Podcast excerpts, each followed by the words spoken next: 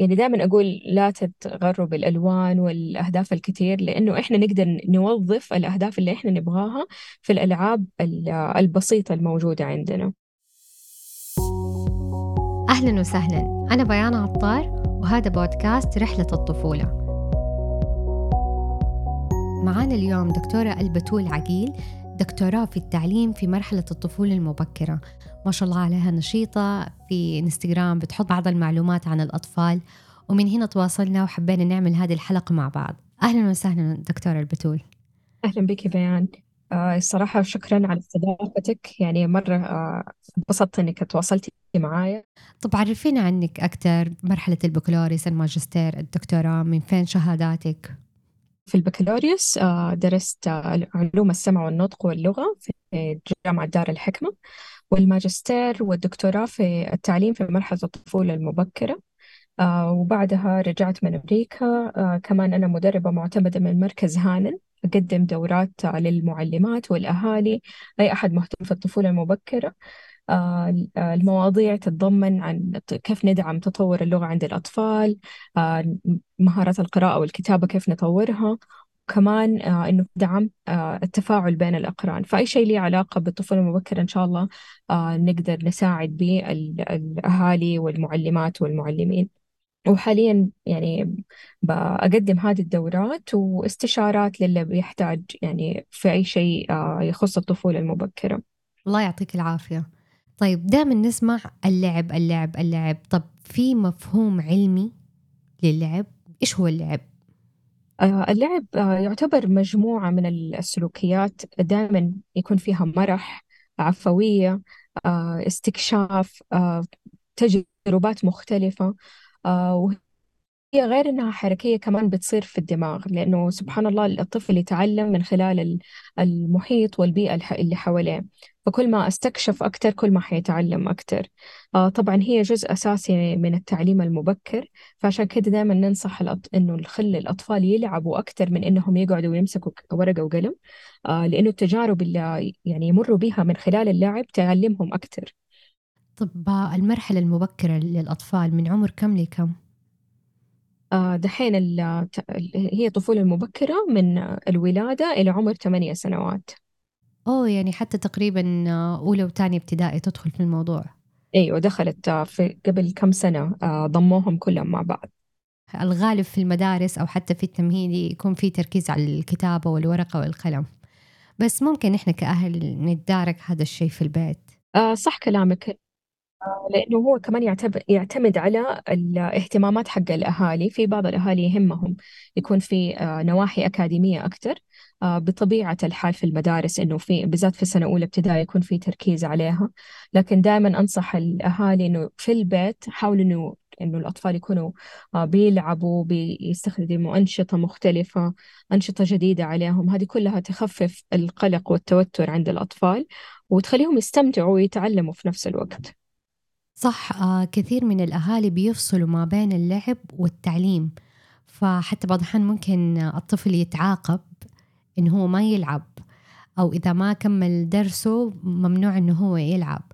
بالرغم إنه اللعب هي عملية تعليمية أصلا عند الطفل. صح كلامك لأنه يشوف إنه اللعب ما له هدف. وفي الغالب إنه في يعني اللعب له أهداف مرة كتير سواء سواء كانوا الأهل يعرفوا عنها أو لا. فمثلا في اللعب لما يستخدموا العرايس هنا إحنا بنتعلم عن الأطفال عن مشاعرهم عن أفكارهم. آه هذا كله يخلينا آه نستغل طريقة إنه مثلا آه نحط نستخدم مواقف مختلفة عشان الطفل يعرف السلوكيات المناسبة في كل موقف اجتماعي. فشفت هنا إنه إحنا نشوفها شيء ما له هدف لكن في النهاية طلع إنه ليه هدف. طب خلينا نتكلم أكثر عن فوائد اللعب. آه كنا بنسمع إنه في العلاج السلوكي للعب أو فوائد اللعب بشكل عام. خلينا نتعمق فيها أكثر فوائد اللعب بشكل عام عند الطفل. آه طبعا اللعب له فوائد مرة كتير. آه زي ما قلت قبل شوي إنه هو يعل يعلمنا عن أفكار الأطفال ومشاعرهم وآرائهم آه كمان إنه كأخصائيين تخاطب وأخصائيين تعديل السلوك يستخدموا اللعب عشان يتواصلوا مع الأطفال ويعلموهم مهارات مختلفة موجودة في خطتهم العلاجية. آه كمان آه الطفل يط آه يطور ذكائه العاطفي ومهارات حل المشكلات. آه كمان يصير عنده مرونة. غير إنه تتطور المهارات اللغوية آه عندهم من خلال اللعب آه ممكن يستخدموا كمان آه المهارات الاجتماعية والعاطفية في اللعب من خلال المواقف زي ما قلنا قبل شوية طب هل من المهم نحن كمربين إنه نحن نلعب معاهم؟ أكيد آه كل ما كان في آه تدخل من الكبار طبعا تدخل مو إنه قصدي يتحكموا في اللعبة لا إنه قصدي يلعبوا معاهم. آه هنا يتطور اللعب حق الأطفال من نواحي مختلفة. فمثلا كل ما استخدمنا لغة أكثر واضحة بسيطة مع الأطفال بيتعلموا مننا. فإحنا تقريبا إحنا النموذج للأطفال عشان يتعلموا مننا أكثر طب إيش نلعب معاهم؟ يعني إيش في أنواع للألعاب؟ طيب آه أنواع الألعاب آه مرة كثيرة لكن إحنا نختصر المفيد منها أو بالأصح الأهم منها آه اللعب الجسدي اللي هو كله حركة آه مرة مهم للنمو الجسدي حق الأطفال يطور المهارات الحركية يكون عندهم تآزر بصري وحركي بالذات لما نلعب لعبة لها علاقة إنه إحنا نستخدم آه حركة اليد. فكل ما الطفل يشوف يده بتروح لمكان هنا يبدأ يعرف حركة يده. آه كمان عندنا اللعب الحسي وهذا مرة مهم للأطفال من الولادة لين عمر المدرسة لأنه الأطفال لما يجوا يتعلموا عن العالم حولهم عن طريق حواسهم الخمسة. فكل ما وفرنا مثلا مواد غنية بال الطعم الريحة الملمس هذه كلها تساعد الأطفال على الاكتشاف. كمان عندنا اللعب الدرامي اللي هو نعمل سيناريوهات سواء بالعرايس سواء بنفسنا إحنا نستخدم شخصيات مختلفة. فهنا إحنا ممكن نلعب معاهم آه وهم يختارون لنا الأدوار أو إحنا نتفق عموما على أدوار متنوعة. هذا آه يعلم الأطفال السلوكيات المناسبة زي ما قلنا للمواقف آه ويقدروا يطوروها من خلال اللعبة. آه عندنا كمان اللعب الطبيعي. آه أي شيء له علاقة بالطبيعة سواء حيوانات آه رمل آه ممكن الزراعة.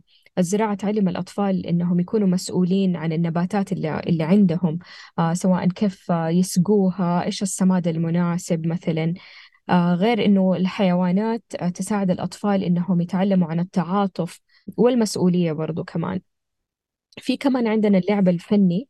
آه وهذا اللعب الفني مرة مهم. آه لأنه هو لغة من لغات الأطفال زي في نهج ريجيو إميلي عندهم فكرة آه لغات الأطفال المية آه ومن ضمنها اللعب الفن. آه والفن هو يساعد الأطفال إنهم إيش يعبروا عن أفكارهم وآرائهم وانطباعاتهم عن الأشياء. آه فهذا كله يطور الإبداع والابتكار عند الأطفال. هذا كان نوعي المفضل وأنا صغيرة. اللعب الفني؟ اللعب الفني ومستمر إلى الآن. في حرف يمكن أنا تعلمتها من عمر سبع سنين.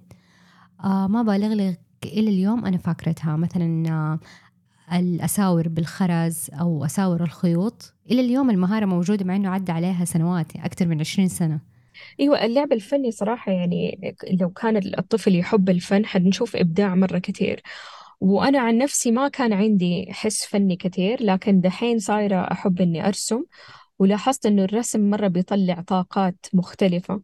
فلو مع الأطفال استخدمنا الفن بلغاته المختلفة وأضفنا عليها اللغة التعبيرية فهنا الطفل ممكن يعني يستخدم مفردات مختلفة عشان يعبر عن أعماله الفنية. فهنا كأننا ضربنا عصفورين بحجر.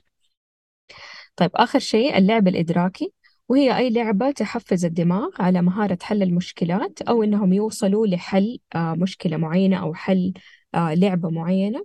مثال عليها ال puzzles أو ال board games فكل ما الطفل لعب في هذه الألعاب حيساعد إنه الإدراك حقه ينمو ويتطور. طب بسألك هل أنا مثلا مطالبة كأم إني أنا أوفر جميع هذه الألعاب بشكل يومي؟ يعني أنا أحرص إنه طفلي يكون آه لعب لعب جسدي ولعب إدراكي ولعب فني وطبيعي ودرامي في نفس اليوم. ولا كيف أعمل الخطة؟ مثلا يوم كامل لعب في الطبيعة بعدين اليوم التالي يكون لعب فني ولعب إدراكي. شوفي سؤالك هذا مرة مهم لأنه دائما إحنا نضيع في وجود أنواع مختلفة من الألعاب. آه لكن أنا أفضل إنه نشوف الأطفال مهتمين بإيش أول؟ آه، كل ما شفتي اهتمام الأطفال إيش؟ وسويتي الأنشطة آه، اللي تخدم هذا الاهتمام حتشوفي اهتمام حتشوفي إنه الطفل يبدع في هذه الأشياء اللي هو بيسويها. فعشان كده نشوف هو مهتم بإيش أول وبعدها نعمل خطة. ممكن إنه في اليوم الواحد نستخدم نوعين من اللعب أو حتى لو ثلاثة على حسب إذا الطفل يطفش بسرعة أو لا. آه بعدين مثلا نستمر عليها تقريبا أسبوع أو حتى كم يوم لين نشوفهم طفشوا نبدأ إيش؟ نغير الأنواع الألعاب هذه. آه بكده أنت أشبعتي اهتمامه وكمان نوعتي له. وكمان حاجة إنه إحنا ما ينفع إنه بس نقدم له نوع معين من آه، من الألعاب عشان آه، نبى نعرف الجوانب المختلفة من اهتماماته. آه، ويصير بعدها نبدأ نطور في كل جانب. ممتاز. حتى نحن عملنا حلقة أنا وزوجي في الحلقة الأولى تقريبا تكلمنا عن طفل متعدد اللغات. وخلال بحثي في موضوع تنمية اللغة كانت الألعاب اللي هي التمثيلية. اللعب الدرامي زي ما أنت قلتي. ولاحظت عند جلسات التخاطب عند أخصائيين اللغة بيستخدموا هذا النوع مرة كثير. حتى بعضهم كانوا بيقولوا إنه الدارج ما بين البنات والأولاد إنه البنات لغتهم أقوى بيتكلموا أكثر من الأولاد. فرجعوا لقوا إنه طبيعة لعب البنات فيها حوار أكثر فيها تمثيل أكثر وفيها دراما أكثر. بمعنى إنهم يحطوا الصحن ويتخيلوا إنه في ضيفة أعطيناها أكل فتنمت اللغة عندهم أكثر آه، صح كلامك من الأشياء اللي تساعد آه، إنه إحنا لما نلعب معاهم في دي الألعاب آه لازم مهم إنه إحنا ننتظر آه نشوف هم ردات فعلهم إيش نضيف على كلامهم. آه إذا كانوا مثلا بيقولوا الجملة بطريقة غير صحيحة يصير إحنا ما نقول لهم إنه خطأ لا نعيد الجملة هذه بطريقة بالطريقة الصحيحة نحويا سواء أو إنه طريقة آه استخدام المفردات.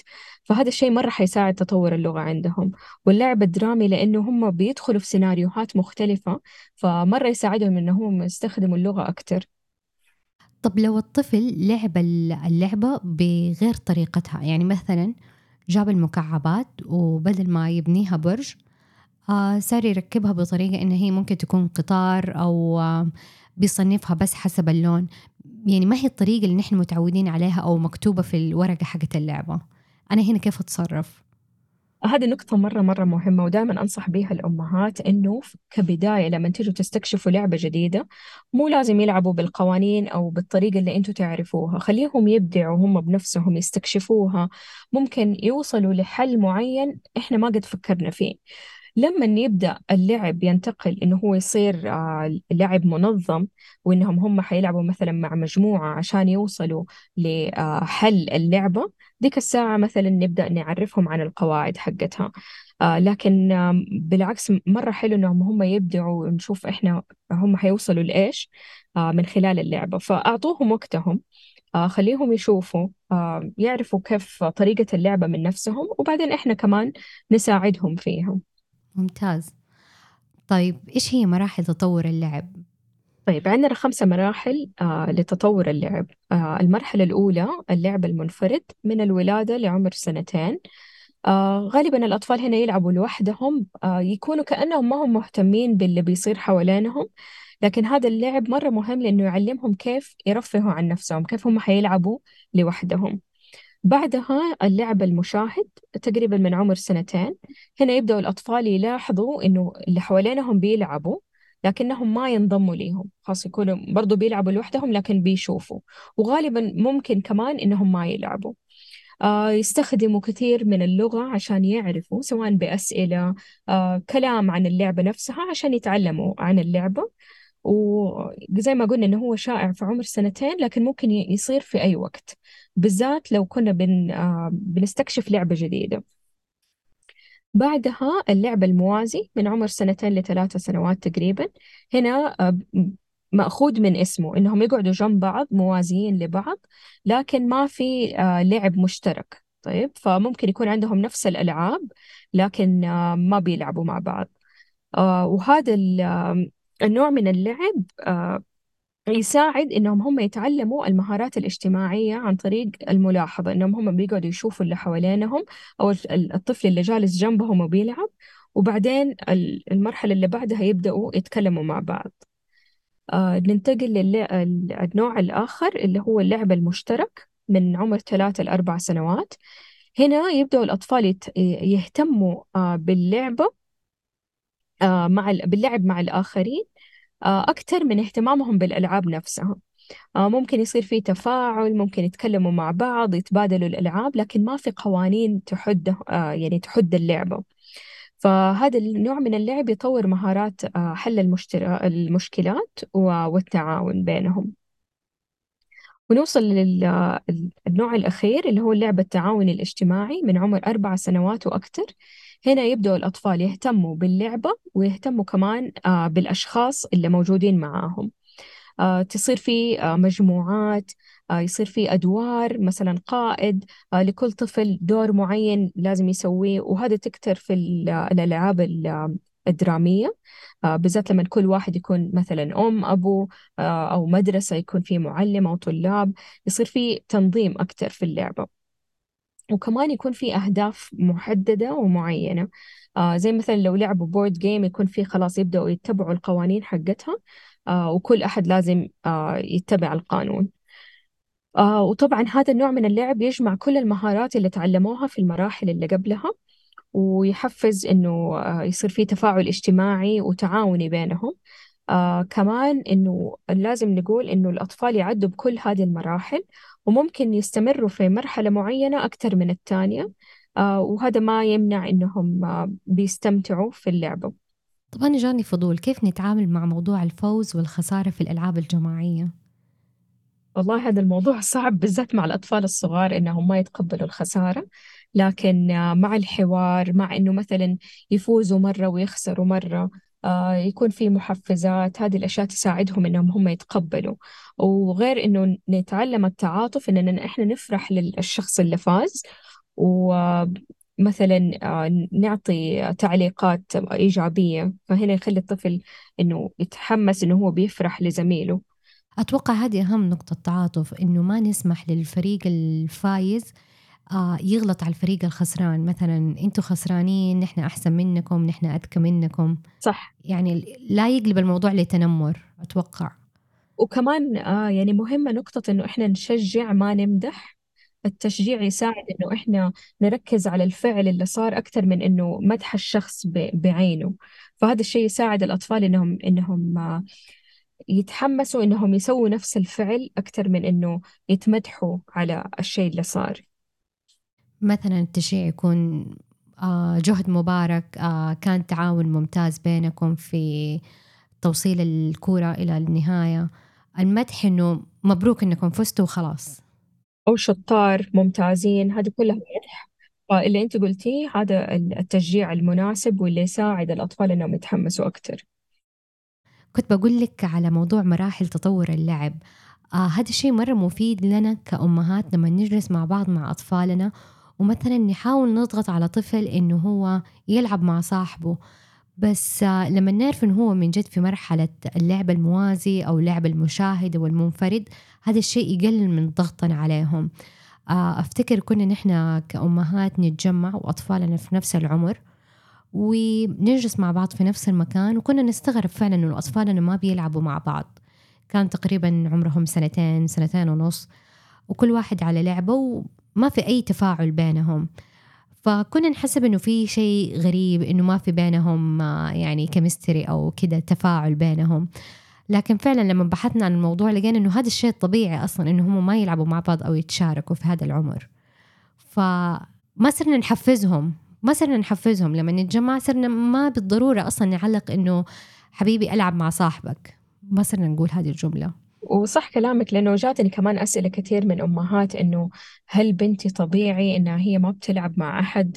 آه يعني لدرجة تخاف إنه في مشاكل. وهو في النهاية لا هو بس مرحلة بيعدي بيها الطفل وإن شاء الله اللي بعدها حيبدأ يتشارك مع أصحابه ويتفاعل.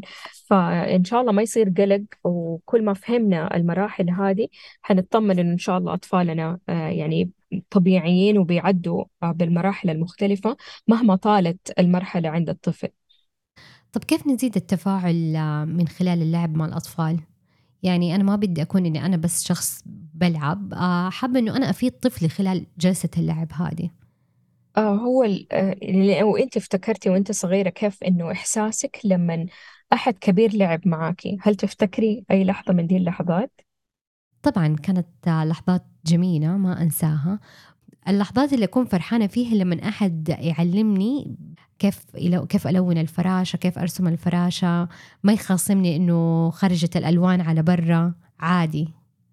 طب يعني تعتبري التجربة إيجابية أو المشاعر كانت إيجابية؟ أيوه. أنا أقول لك على كذا موقف صار آه، لما كنا صغار كنا نلعب باربي فبنت خالي اللي أكبر مننا لما كانت تيجي تلعب معانا كانت تعلمنا أشياء ما كنا نتخيلها. مثلا ما كنا نعرف عن عروض الأزياء. كانت تجيب ملابس ويلا كل واحدة تلبس اللعب آه، الباربي حقتها لبس غير ونسوي عرض أزياء. فعلمتنا أشياء مختلفة. فأفتكر إني أكون مرة مبسوطة وأستنى الوقت اللي أروح لهم عشان تلعب معانا.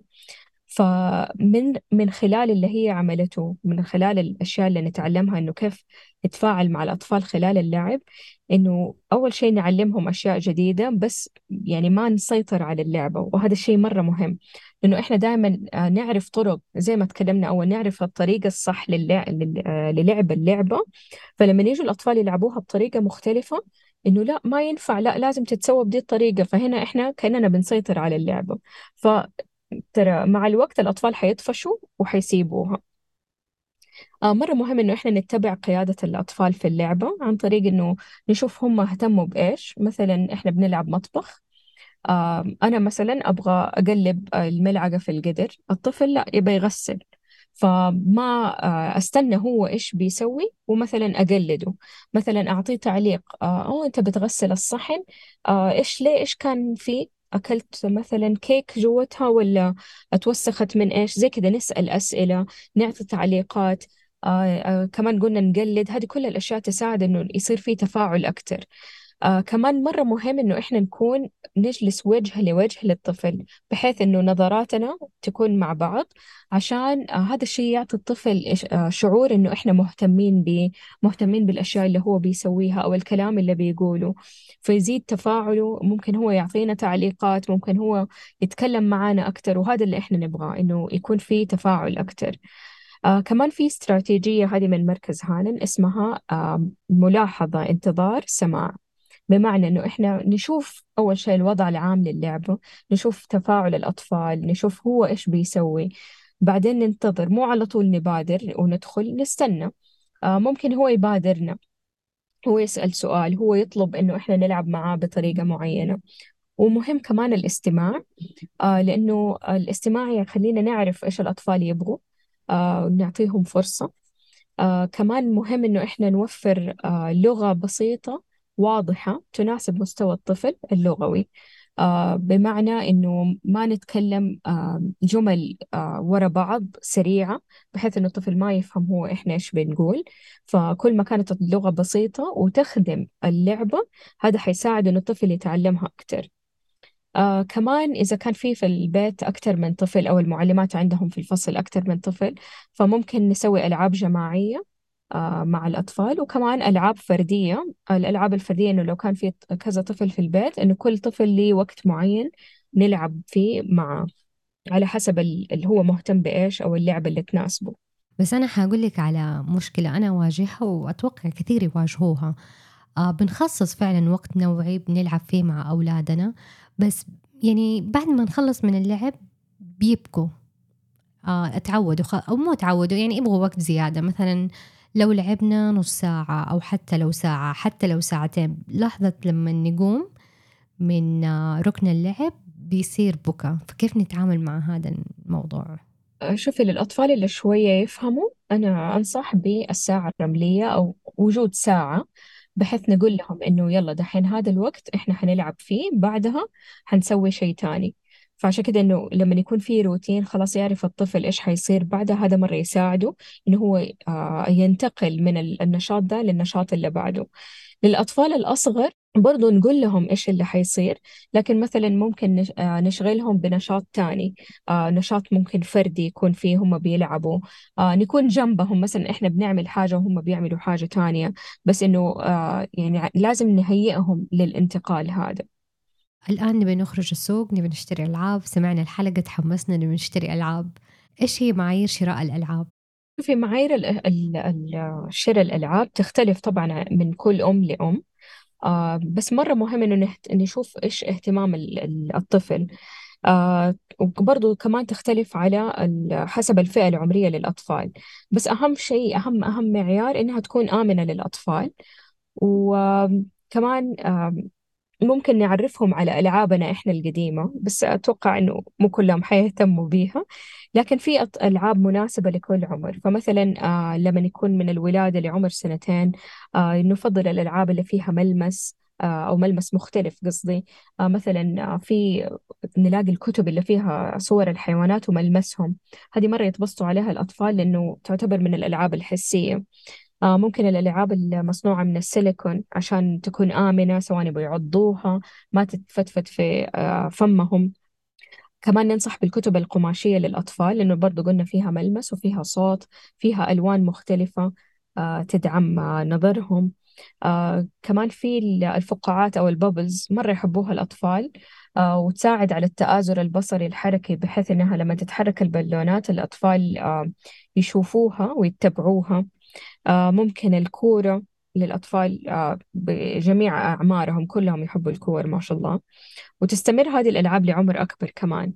آه غير آه ألعاب لها هدف أو أهداف مختلفة زي ألعاب المطبخ آه ألعاب البناء زي المكعبات آه كمان الألوان. تعتبر من الألعاب الفنية برضو. آه وكمان ما ننسى الألعاب الخارجية زي المرجيحة والزحليقة هذه كلها ألعاب يستمتعوا بها الأطفال. وكمان آه، بوجود آه، شخص بالغ موجود عشان ينتبه عليهم فتصير آمنة. ألعاب البنات وألعاب الأولاد هل في فرق بينهم؟ مثلا آه، للبنات نشتري ألعاب مطبخ للأولاد سيارات كور بهذا الطريقة إن إحنا نفصل ما بين ألعاب البنات وألعاب الأولاد. هل تشوف هذا الشيء صح ولا غلط؟ شوفي هي في آراء مختلفة كثير عن هذا الموضوع لكن أنا أشوف إنه آه، ألعاب الأولاد وألعاب البنات تخدم آه، على حسب الهدف الموجود.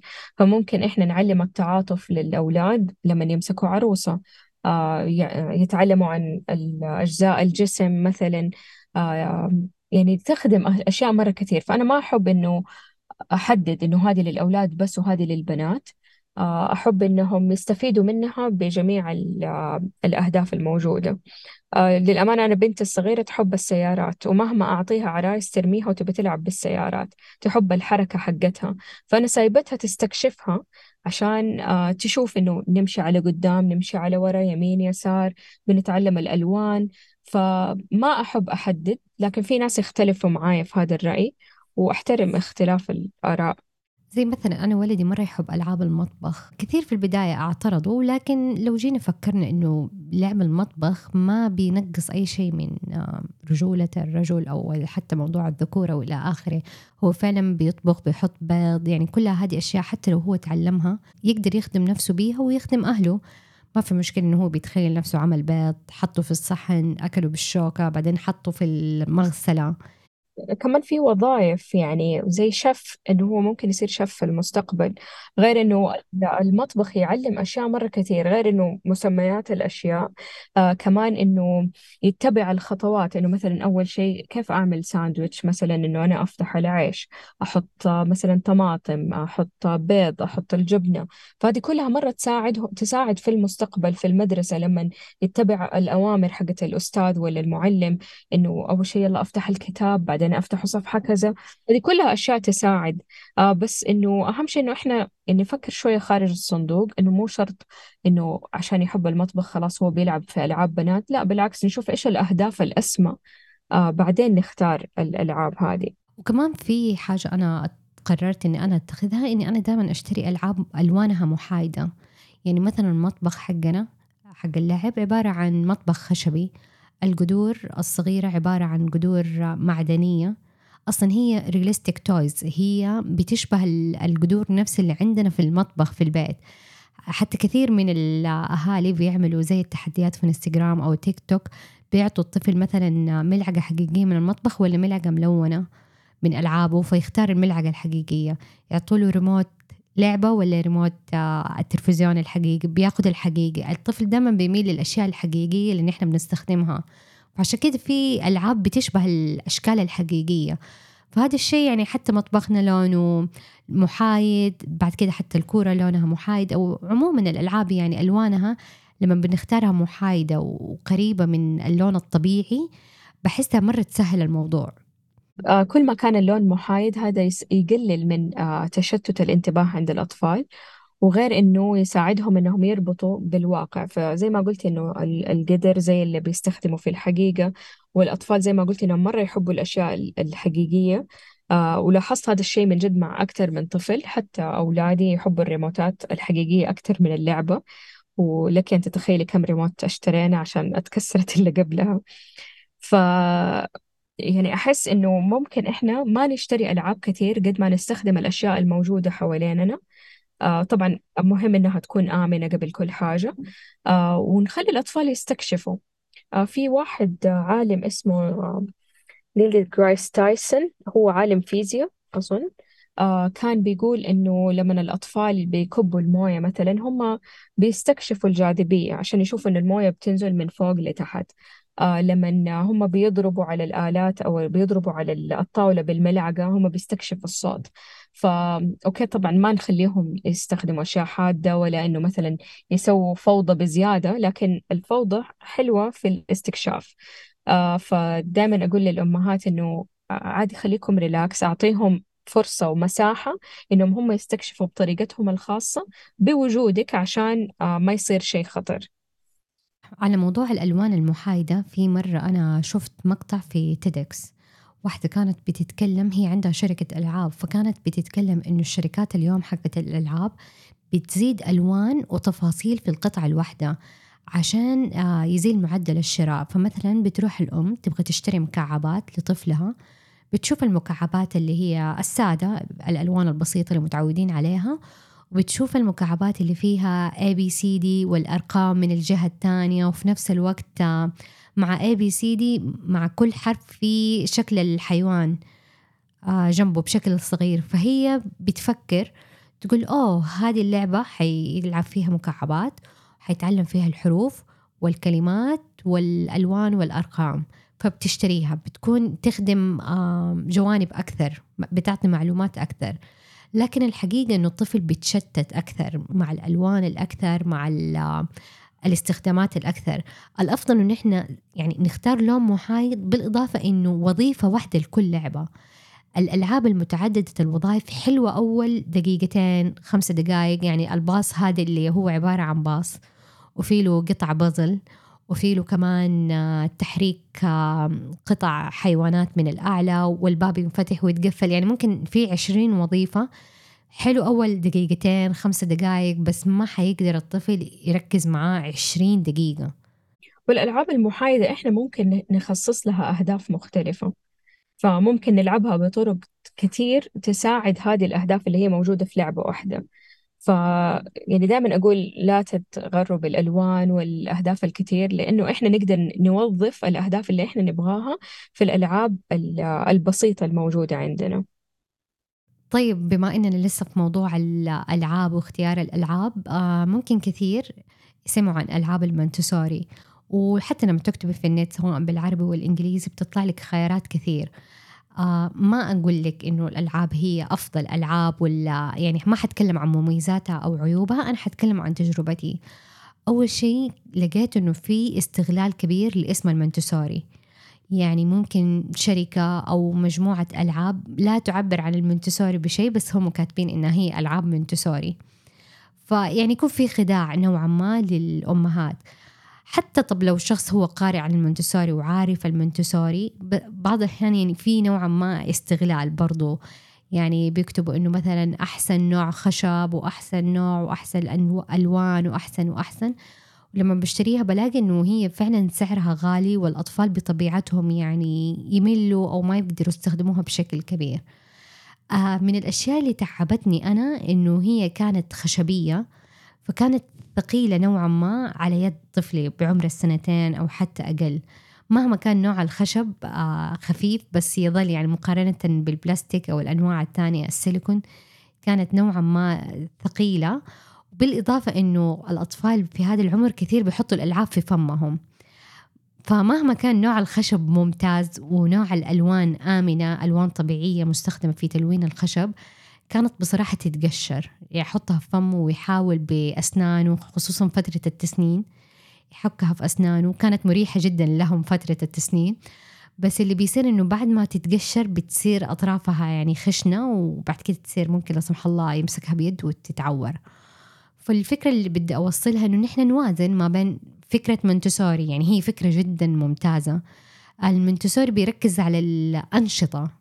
أكثر من إنه هي اللعبة نفسها. أنا بعض الأحيان ممكن أشوف نشاط مونتسوري أنا أقدر أسويه في البيت بأدوات مطبخ عندي صينية وملاعق الطبخ بحطها وبنرتب من الأصغر للأكبر مثلا. فهي إنه ما ننخدع بس بالكلمة هي رائعة ومفيدة إذا استخدمت طبعا بطريقة صحيحة وعمر مناسب. هو ده اللي بقول هو إنه يعني إذا فهمنا الفكرة فكرة مونتسوري وإيش الغرض منها يمدينا نستخدم أشياء مختلفة موجودة عندنا. مو لازم نشتري شيء عشان اسمه مونتسوري آه إذا طبقنا الأشياء اللي, اللي الأهداف قصدي أو الأفكار الموجودة حنقدر نسوي لهم ألعاب بطريقتنا. ولاحظت إنه ولدي مرة يفرح لما بيستخدم اشياءنا الحقيقية في البيت يعني يشعر بالثقة حتى وإن كان عمره سنتين. لما بيشوف إنه أنا فعلا دخلت المطبخ وجبت صينية وملعقة وأعطيته الثقة إنه هو يستخدمها ويشوفني نفس اليوم أو ثاني يوم إنه أنا طبخت بيها مرة ترى بينبسط. طيب بيان أنا عندي سؤال ليكي طيب بما إنه آه انت يعني خبرتك في مجال ال interior design أو التصميم الداخلي أنا عندي غرفة ألعاب أو مثلا ركن في غرفة الجلسة فاضي كذا أبغى أخليه للألعاب. إيش تقترحي؟ آه إنه كيف أوظف هذا آه، الركن عشان آه أصممه بطريقة حلوة للأطفال. طيب آه أنا من الناس اللي أميل إلى التصنيف.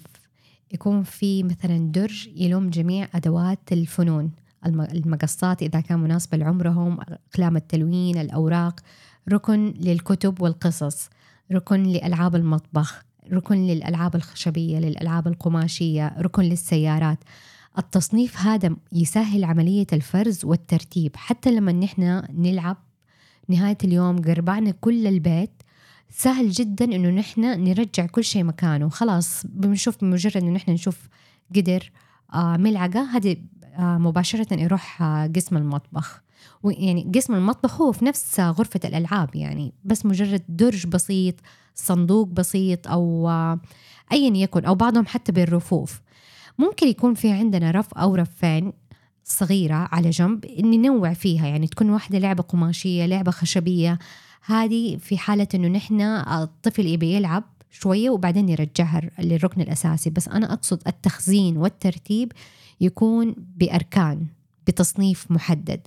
العشوائية ترى تزيد ممكن تخلي الترتيب أسرع ممكن نخلص كل الألعاب نحطها في صندوق واحد ونخلص خلال دقيقتين بس حتخلي عملية الوصول للعبة أصعب. اجى الطفل تاني يوم ماما أبى السيارة المحددة هديك البرتقالية حقت التاكسي. تخيل لما نحن نخرجها من صندوق كبير فيه له عشرات الألعاب وحيرجع يتقرب على البيت أو إنه نحن بالضبط نروح درج السيارات ونخرج اللعبة هذه. حيكون جدا أسهل. في نقطة في دراسة صارت آه، تقريبا في السبعينات عن حركة الأطفال في آه، فصل معين لاحظوهم. آه، كانوا الأطفال من عمر سنة لعمر أربع سنوات. فلاحظوا أن الأطفال من عمر تقريبا سنة لعمر سنتين كانت حركتهم مرة أكتر. فتقريبا بيروحوا في كل أنحاء الفصل. في المقارنة لعمر ثلاثة وأربع سنوات كانت حركتهم أقل ولأماكن محددة خاص هم عارفين إيش يبغوا. فكانت الدراسة هذه تقترح إنه بالذات في الفصول الدراسية سواء في الحضانة أو آه، الروضات إنه يحطوا أماكن الأشياء آه، بطريقة تخلي الأطفال يستكشفوها من جميع الجهات. آه، أو إنهم على الأقل يخلوا الفصل مرتب بطريقة تسمح بحركة الأطفال. فأحس هذه مرة مهمة بالذات للمعلمات إنهم كيف يرتبوا الفصل حقهم. صح البعض يتوقع إنه ألعاب أكثر في المكان يعني تعلم أكثر بس الحقيقة إنه هي مو بعدد الألعاب هي بقدرة الطفل على التركيز لما أنت قلتي نخلي مجال للحركة مكان للجلوس إنه نحن نلعب باللعبة ونحن جالسين. آه، ألعاب تخدم أهداف معينة نحن بنتكلم عنها هذا الشهر أو هذه الفترة. بس كثرة الألعاب فعلا ما بت... كثرة الألعاب فعلا بتشتت وما بتعطينا أهداف أكثر. في هنا مقالة أنا قبل كده كتبتها اسمها تدوير الألعاب أو تبديل الألعاب. هي ترجمة لكلمة توي روتيشن هذه الفكرة موجودة في المنتسوري بمعنى أنه نحن نجمع كل الألعاب في مكان ما في مخزن. الطفل يفضل أنه هو ما يعرف عنه. وبعد كده نعرض الألعاب في رف مكون من رفين أو ثلاثة. نعرض من ستة إلى ثمانية ألعاب فقط خلال اليوم. فالطفل يقضي يومه كله بستة أو ثمانية ألعاب. الفكرة عجبتني يعني أنا فعلا سويتها. التوي روتيشن هذا بعمله ما بين الغرفة والصالة. ففي الصالة عندنا فعلا آه، رفين فوق القصص وتحت الألعاب. البقية الألعاب كلها مصنفة عندي أنا في الغرفة. خلاص السيارات مع بعض وإلى آخره. وكل أسبوع بنعمل توي روتيشن طبعا أنا ما بحط آه، ستة أو ثمانية يعني أنا مو بالضرورة ألتزم بعددها نفس المنتسوري بحط عشرة بالكثير إلى عشرين بالكثير. خلاص نجلس الأسبوع كامل يلعب بيها وبعد كده أعمل كل أسبوع تبديل. وفي ألعاب مستحيل إني أنا أقدر أشيلها لأنه هو يكون متعلق بيها ويبغاها على طول. فطبعا أنا أحترم هذا الشيء. ممتاز. أنت هنا اهتميتي باهتماماته وبالعكس يعني خليتيه ما يطفش وهذا الشيء مرة جميل ما شاء الله. وطبعا كل عائلة لها ظروفها. أنا ما أقدر صراحة أعمم تجربتي على الجميع. كل مكان لظروف محددة مساحات مختلفة. كل واحد يسوي الشيء اللي هو يناسبه ويناسب طفله مع الالتزام ببعض المعايير اللي تفيد الطفل بشكل أكبر. طيب البتول عندي دحين سؤال. نحن تكلمنا كثير عن الألعاب وكيف نختار اللعبة. بس هل ينفع نحن نلعب بدون ما يكون عندنا لعبة فعليا كده بين يدنا؟ هذا السؤال مرة مهم. ليش؟ لأنه دائما إحنا نتخيل إنه اللعب مربوط بالألعاب. لكن لو فكرتوا فيها وافتكرتوا ذكرياتكم زمان لعبنا ألعاب كثير بدون وجود الألعاب. زي مثلا الحيوان إنسان جماد الألعاب الشفوية عموما. آه، زي مثلا إنه لعبة بدون كلام. الرسم آه إنه مثلا نحذر إيش الشخص بيرسم. آه التمثيل أكيد مثلتوا مع غيركم مع أقربائكم وصحباتكم وأصحابكم. آه اللعب الخيالي آه مثلا آه نعمل آه بالمرتبات إذا تفتكروا بالذات في بيت الجد والجدة. آه نعمل المرتبات ونحط بعدين شراشف من فوق إنه هذا بيتي وهذا بيتك ويلا ونعمل نزور بعض. هذه كلها ألعاب من غير ألعاب. وطبعا ما ننسى حجره ورقة مقص. هذه يعني قضينا كل حياتنا نلعبها. هذه حتى الألعاب تناسب وقت السيارة وقت الانتظار. مثلا في انتظار مستشفى ولا في الطيارة ولا في مطعم مرة تفك أزمة. لما مثلا أنا أعطيك حرف وتعطيني آه، اسم فاكهة بنفس هذا الحرف. أو كلماته متضادات كبير وعكسه صغير. ونقعد نضحك كمان. آه لاحظت في فترة كورونا إنه كيف آه الألعاب عموما سواء هذه الألعاب اللي هي بدون ألعاب الألعاب الشفوية أو حتى الألعاب اللي هي تكون جماعية كيف كسرت ما بين أجيال مختلفة. مثلا آه، كيف الجد والجدة بيجلسوا مع أولادهم وأحفادهم على طاولة كيرم والكل بيلعب. يعني ممكن طفل عمره سبع سنين بيلعب مع جده اللي عمره 70 سنة. فكيف اللعبة هذه قدرت آه، تكسر حاجز أجيال؟ ممكن يعني صعب إنه نحن نجلس جلسة عائلية ونلاقي موضوع نتكلم فيه من عمر سبع سنين إلى سبعين سنة بس الألعاب كسرت هذا الموضوع كسرت هذا الحاجز. أيوة لأنه الألعاب كمان يعني غير إنها هي بتكسر الحواجز هي يعني وقت إنه الواحد يقضيه في مرح ومبسوطين بتقرب الناس من بعضها. آه بالذات إنه لما مثلا بنشرح لبعض إنه طريقة اللعبة آه غير إنه نبغى نفوز مع بعض فكلها تعطي مشاعر إيجابية وتخلينا نقضي وقت مرة حلو مع عائلتنا أو مع أصحابنا. ممتاز. كده وصلنا لنهاية الحلقة. شكرا دكتور البتول على وقتك اللي أعطيتنه هو في إعداد هذه الحلقة وفي تسجيل هذه الحلقة. شكرا لك على استضافتي. يعني مرة تشرفت بمعرفتك وإن شاء الله ربنا يكتب لنا لقاءات تانية بإذن الله. شاركونا أسئلتكم ومقترحاتكم على مواقع التواصل الاجتماعي. وانتظرونا قريباً.